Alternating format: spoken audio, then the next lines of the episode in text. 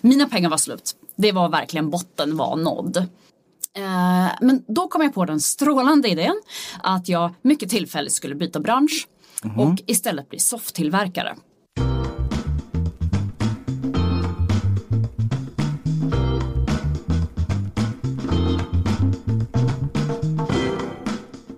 Hennes företag skickar värdeprognoser till en miljon bönder i Afrika och för att nå dit har hon konkurrerat med eldade hönor och sålt 57 soffor i Ghana för 20 000 kronor styck. Dagens gäst är Lisa Smits och du lyssnar på podden Min första miljon med mig, Joel Dahlberg. Och nu några ord från poddens sponsor.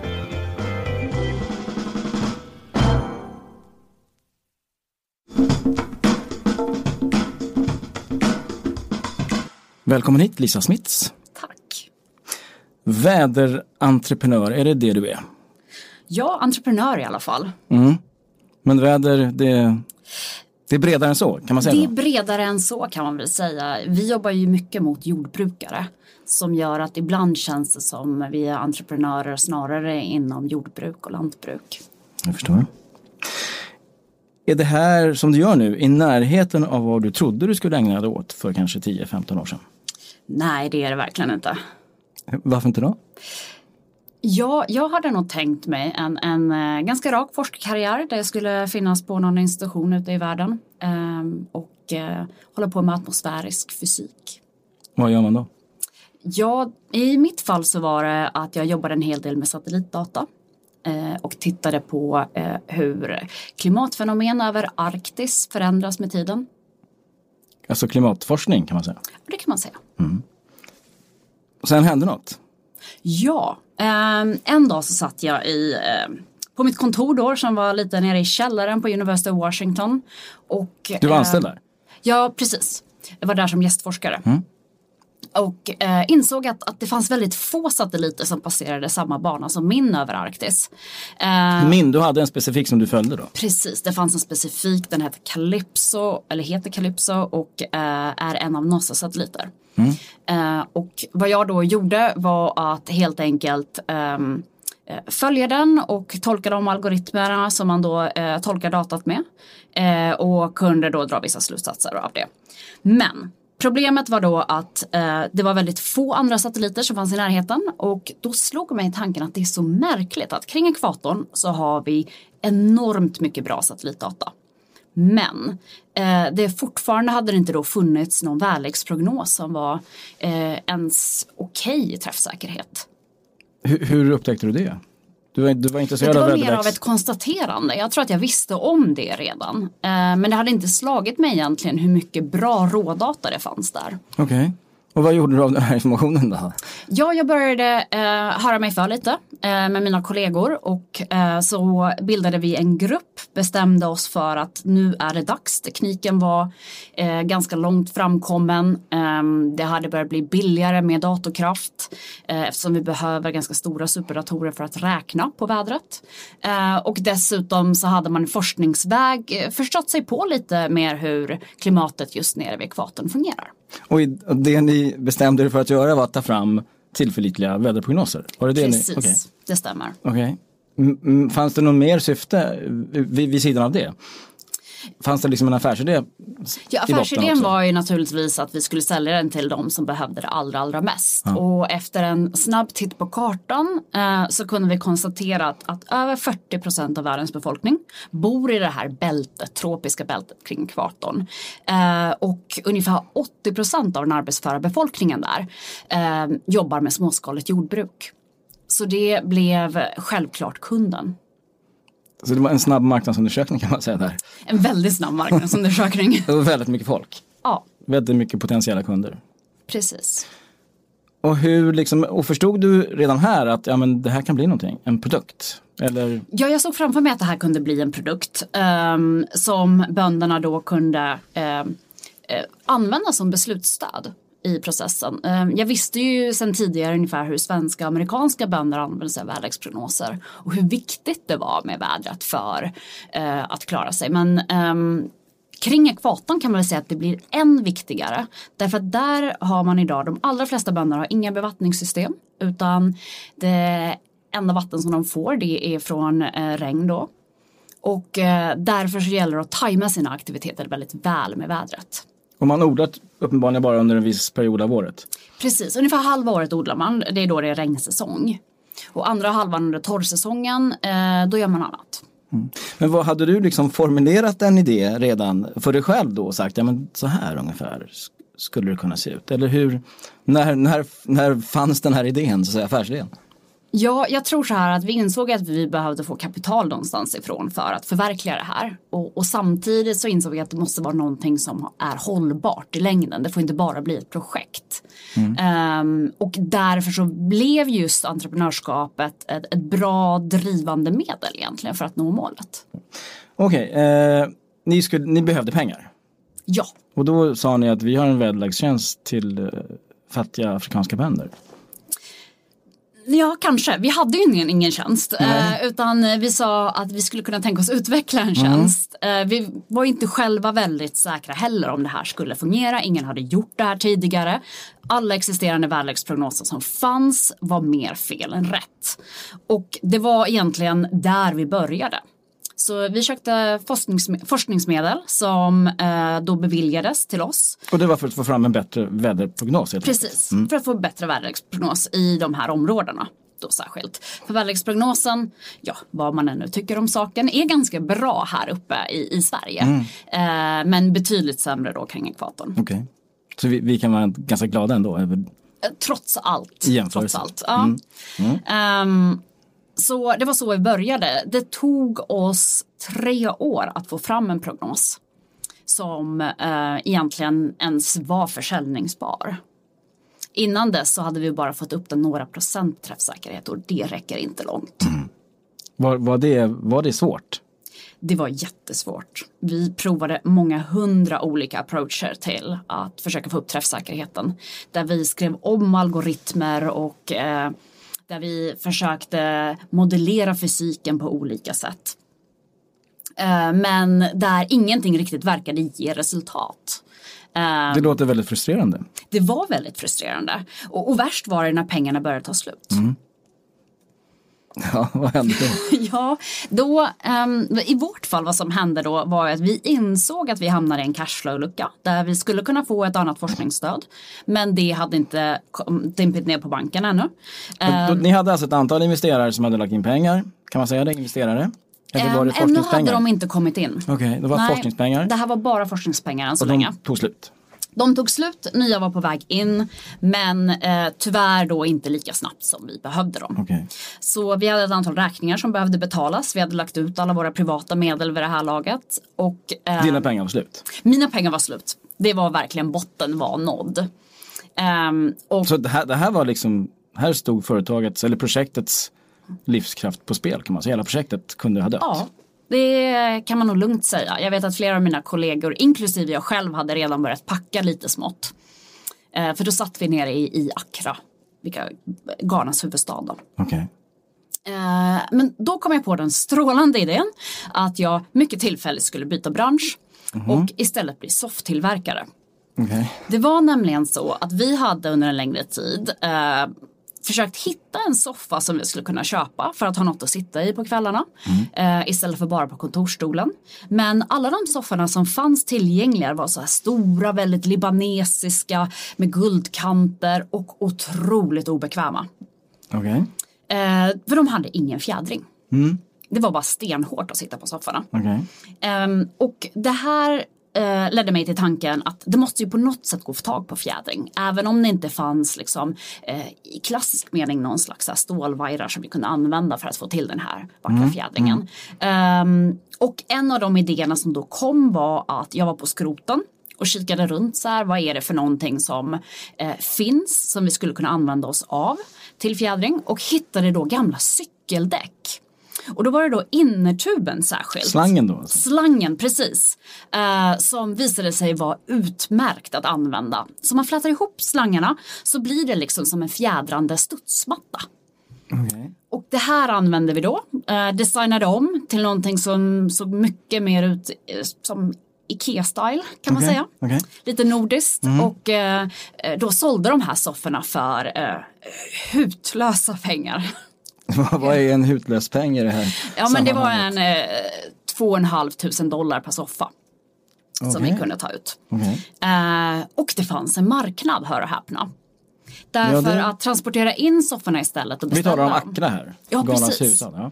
Där ehm, fanns en hel del eh, förmögna människor som bodde där, tyckte att det var för krångligt att skeppa in, skeppa en, in en ehm, Ja, det är väl container som man får in då, då eh, från hamnen där man då skulle då importera saker och hellre ville köpa det på plats.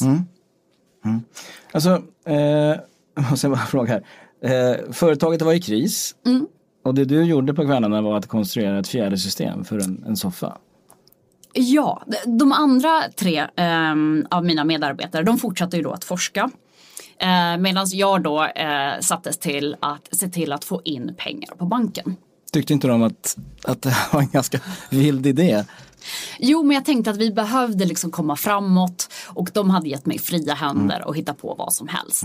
Så jag tog då det här förtroendet och helt enkelt omsatte det till verklighet. Hur många soffor sålde du? 57 stycken. 57. Då hade vi kommit ur den här cashflow-krisen. Och eh, en av dem finns faktiskt fortfarande på vårt, ko- eh, på vårt eh, kontor nere i Ghana. Fantastiskt. Blir de bättre och bättre antar jag, sofforna, allt eftersom? Ja, eh, det fanns en lite nybörjarmisstag i de första. Eh, och så går det till ibland. Eh, den 57 soffan fick vi till faktiskt för att någon gång, jag tror att det var den 42 soffan som vi sålde, då hade vi lovat att sälja en tresitssoffa. Men hade levererat en tvåsitssoffa. Så. så var det med det.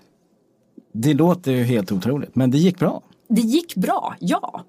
Eh, sen dess har jag inte tänkt på möbeltillverkning igen. Du har lämnat den branschen kan man säga. Japp. Men och vad hände sen? Sen hade ni då alltså en, en, en tjänst som var tillräckligt bra? Sen hade vi en väderleksprognos som var tillräckligt bra. Okej. Men vad vi inte hade var en tjänst som var tillräckligt bra. För det visade sig att eh, den absoluta majoriteten av våra kunder kunde inte skriva och läsa. Så vi hade ju då tänkt att skicka ett sms med information till dem. Men om man då inte kan läsa innehållet i smset så är det ju inte så enkelt att förstå. Men det, är- det är ett hinder. tillgodogöra sig det. Nej. Ehm, och där stötte vi på en hel del bekymmer.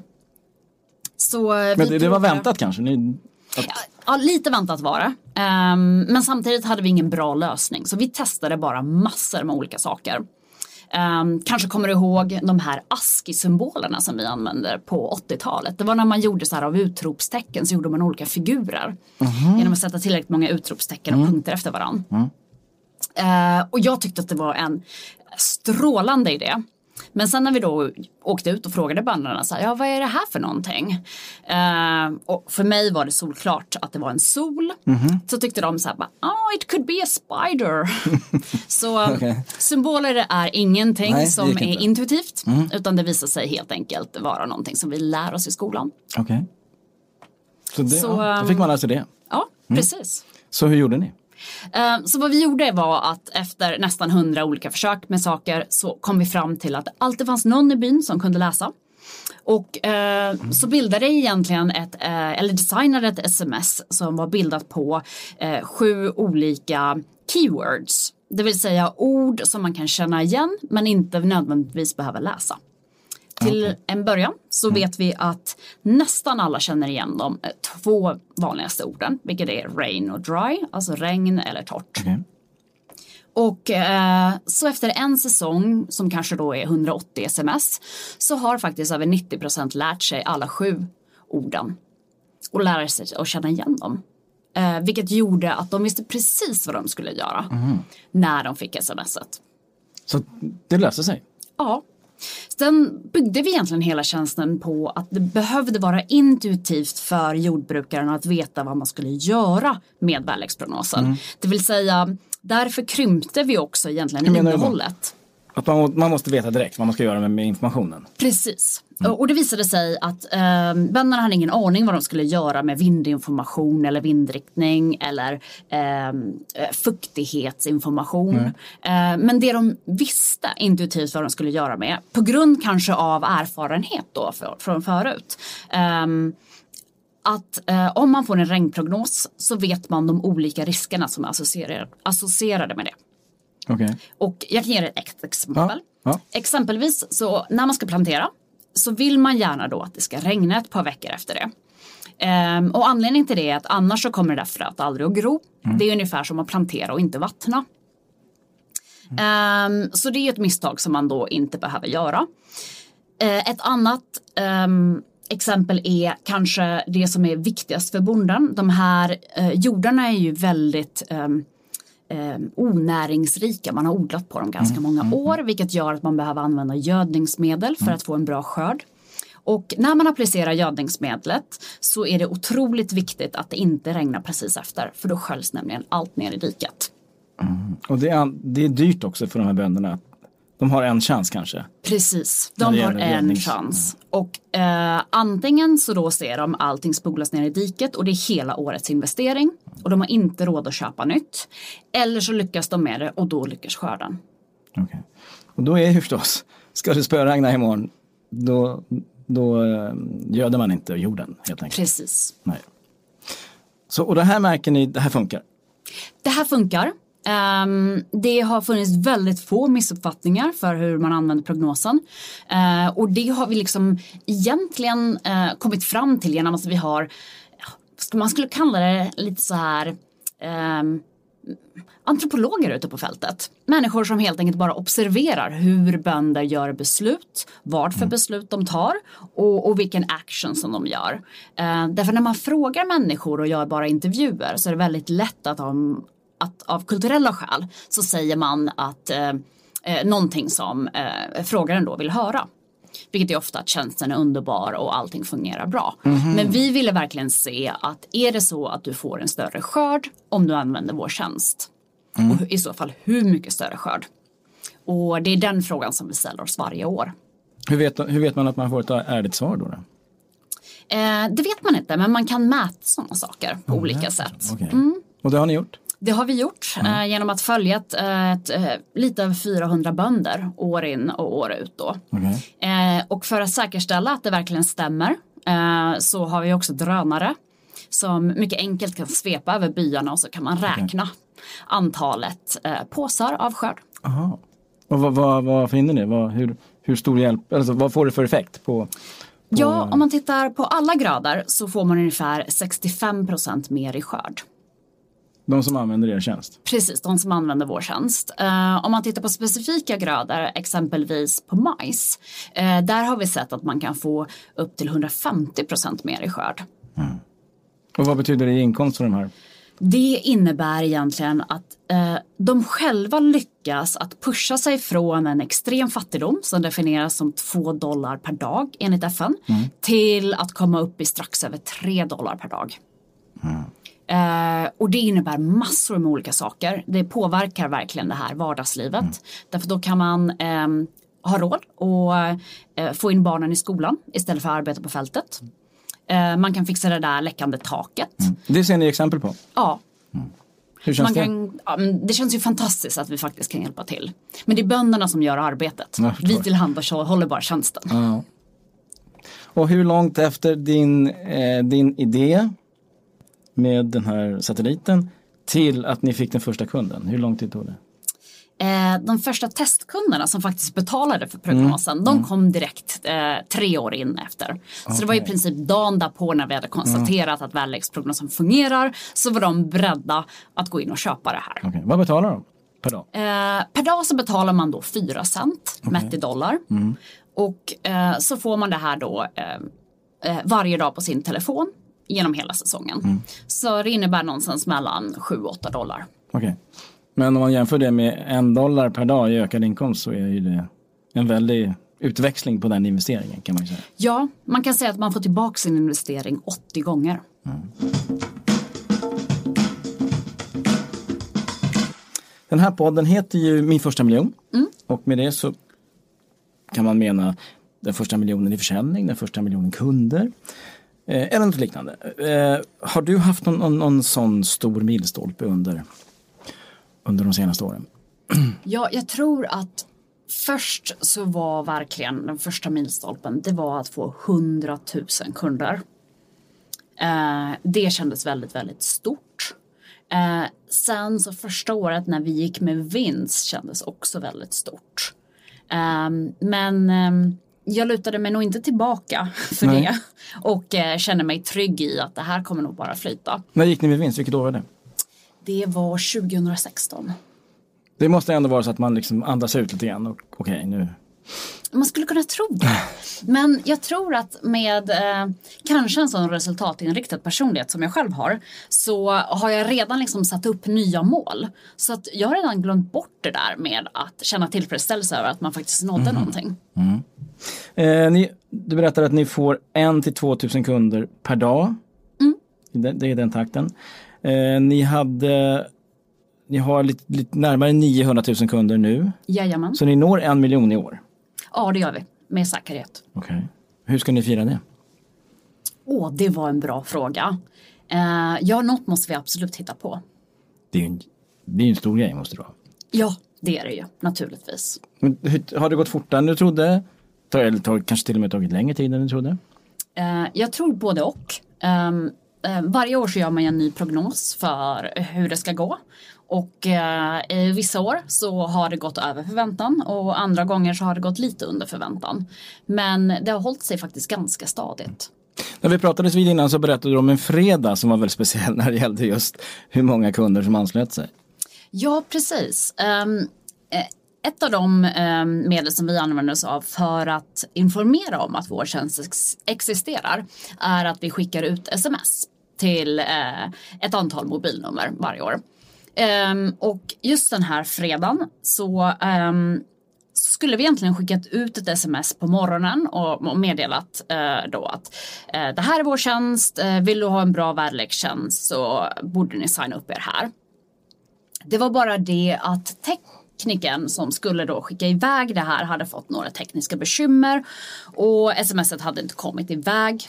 Det var fredag, vi hade alla gått från jobbet och så eh, klockan sju på kvällen så plingar det på telefonerna och då kommer smset fram. Ehm, Och då tänkte du, "Åh, det här, och var- här var inget bra. Jösses, ja. Därför att det är välkänt i mobilvärlden då att eh, reklam-sms klockan sju en fredag eh, kväll, det är bland det dummaste man kan göra. Men så var det inte.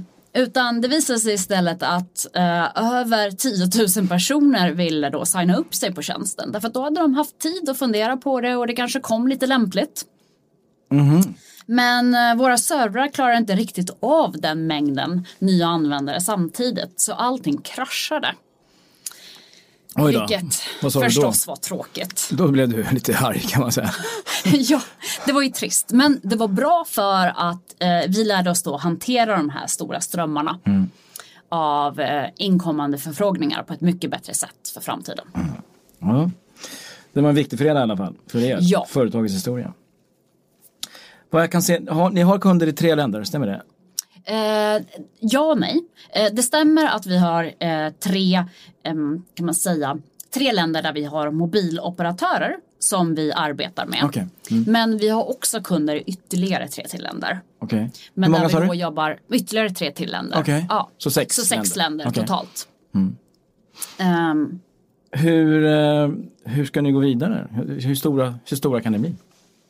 Jag, jag tror att, att i år så kommer vi eh, att kunna i alla fall komma upp till en och en halv miljon bönder. Eh, som då dagligen prenumererar på vår tjänst. Eh, om man tittar lite på sikt så tror jag att det inte alls omöjligt att komma upp i en, en kanske 50 miljoner eh, bönder därför att behovet är så stort och det finns otroligt många bönder som behöver det här och de finns i eh, nästan på alla kontinenter. Vill du vara kvar hela vägen? Till 50 miljoner? Det var ju en bra fråga. Eh, jag vet faktiskt inte. Mm. Nej. Det är ju ofta så att ehm, jag som entreprenör drivs av att vara med i början när det händer väldigt mycket. Det är många svåra beslut som ska tas. Men så fort det börjar handla om att förvalta snarare än att driva på i väldigt hög takt, aj, då är det inte så roligt. Okej. Men eh, är inte- det är inte så att du har ingen annan idé som du håller på med nu? Som, antingen som ska in i den här verksamheten eller någonting annat? Jo, vi har börjat utveckla någonting som vi kallar för eh, storm warning. Och det innebär att man ganska precis kan på minuten få reda på när en storm börjar närma sig. Ehm, så för att ge ett exempel så kanske man befinner sig i eh, då huvudstaden för Nigeria, Lagos. Och eh, så får man ett sms på sin telefon som säger att om 74 minuter så, har, så når stormen dig med den här vindstyrkan och, och med den här nederbörden. Och, eh, och det har man nytta av då, som bonde? Då? Det har man nytta av um, inom ganska många olika sektorer. Uh, men som bonde finns det kanske inte lika många beslut som man kan ta som man kan göra på flerdagarsprognoser. Men man kan bland annat då täcka för om man precis har skördat. Mm. Uh, så att inte den precis skördade grödan då blir blöt och drar till sig mögel. Mm. Mm. Okej, okay, och, och den är på gång kanske? Den är på gång, okay. ja. Den är inte lanserad ännu. Nej, nej, nej. Det blir senare i år. Okay. Men då har ni förstås hjälp av att ni redan har en tjänst? Ja, det har vi. Uh, den här stormtrackingen den är helt baserad på artificiell intelligens. Vilket gör att det ska bli jättespännande att se hur träffsäker den är. Okej, okay. alltså hur ofta det faktiskt stämmer menar du? Ja, precis. Okej, okay. vad roligt. Uh, vi eh, frågar ju alla som kommer hit eh, om de har några bra tips. Mm. Till andra entreprenörer in spe så att säga. Ja, jag tänker mig så här att kanske borde, om, om jag ska dra från mina egna lärdomar, så kanske borde man gjort en lite mer noggrann undersökning eh, av marknaden innan man ger sig ut okay. i ett eh, nytt land. Jag kan berätta att när jag klev av planet i Ghana första gången, då trodde jag fortfarande på allvar att eh, namnet uttalades Jana. Därför att jag bara hade läst om det. Och det är sådana här misstag man gör som forskare. Mm. Man har helt enkelt inte pratat med andra människor om sakerna. Så prata gärna om din idé, prata med så många som möjligt. Mm. Eh, det är högst osannolikt att de kommer sno idén och istället kommersialisera den. Mm. Därför att det finns jättemånga bra idéer men det finns väldigt få människor som eh, orkar att ta sig igenom den här kommersialiseringsprocessen särskilt när det handlar om innovation. Okay. Så att ligga i, tro på din idé, jobba hårt. Exakt. Mm. Och det har du gjort. Var, var, du medveten om hur mycket du var tvungen att jobba och hur lång tid det skulle ta? Nej, jag insåg nog inte riktigt hur lång resa det här skulle bli. Mm. Um, och det är väl tur det, för då hade det inte blivit av. Man, man jobbar väl, ja man tar dag för dag så att säga. Ja, det är det man får göra helt enkelt. Eh, och så får man testa sig fram. Och eh, mycket tror jag handlar om att man får testa många olika saker men väldigt snabbt komma fram till när det inte fungerar. Mm. Därför att fastnar man i de där icke fungerande sakerna och provar samma sak igen, ja då har man inte blivit något klokare. Mm. Jag bara för att återknyta till Jana. Mm. Du sa väl inte det när du var där? Att du uttalade väl inte till den som bodde där, någon som bodde där? På det jo, sättet? jag gjorde ju det. Du gjorde ju det? Jag gjorde ju det. Förstod man ens vad du sa? Nej, de förstod inte riktigt vad jag sa. De förstod inte alls varifrån jag kom och eh, vad jag försökte berätta. Men jag insåg ju misstaget efter, efter 10-15 minuter redan i immigrationskön. Det hette inte Jana? Det hette inte Jana, nej. Eh, du, eh, är det något, något speciellt, något problem som ni stötte på under resans gång som du absolut inte hade kunnat föreställa dig? Något, något helt oväntat? Jösses vad svårt. För du, du har beskrivit en massa saker. Att ni var tvungna att skapa en egen väderlekstjänst mm. som var träffsäker. Det förstår man, det är mycket jobb. Det förstod du från början. Mm. Ni var tvungna att komma ut till kunderna på ett vettigt sätt. Mm. Det är sånt man kan förutspå. Men vad hände med någonting som du tänkte, oj då, just det. Det här måste vi lösa. Jag tror att jag inte riktigt hade eh, tagit i beräkning hur stora kulturella skillnader ibland det finns länder emellan. Och även mellan Sverige och Ghana exempelvis. Eh, så jag blev bland annat eh, riktigt proffs på att hitta på de mest märkliga, eh, troligtvis också regelvidriga saker i trafiken. Mm för att överleva de här Ta enorma köerna ja, mm. som finns överallt. Okay. Um, ehm, Vad gör man då? då? Ja, uh, man kör på ställen man inte ska köra på kanske? Ja, det, det blir ju rätt så mm. ja. Um, jag hade liksom inte riktigt förberett mig på hur, hur många saker som skulle kunna vara så annorlunda. Um, att, att det inte fanns liksom egentligen någon common ground eh, mellan våra kulturer. Eh, och att rationalitet, som jag redan visste, naturligtvis inte alltid var det högst värderade. Det är det inte hemma hos oss i Sverige heller. Eh, men till, till vilken grad eh, man hellre litar ibland på att, att eh, elda en höna och se om eh, den här, vad heter det? Um, inte ångan utan röken. Röken från eh, hönan kommer bli eh, mörk eller ljus beroende på då mm. om mhm. säsongen kommer bli väldigt regnig eller inte. Mm. Så, så det, är ett alternativ till er tjänst? Det är naturligtvis ett alternativ till vår tjänst. Mm. vi har testat den själva också. Okej, okay, det var mm. konkurrenten kan man säga. Mm, precis. Ja, en, en, av dem. en av dem. Ja, men den är kanske utslagen nu. Den konkurrenten finns inte kvar kanske?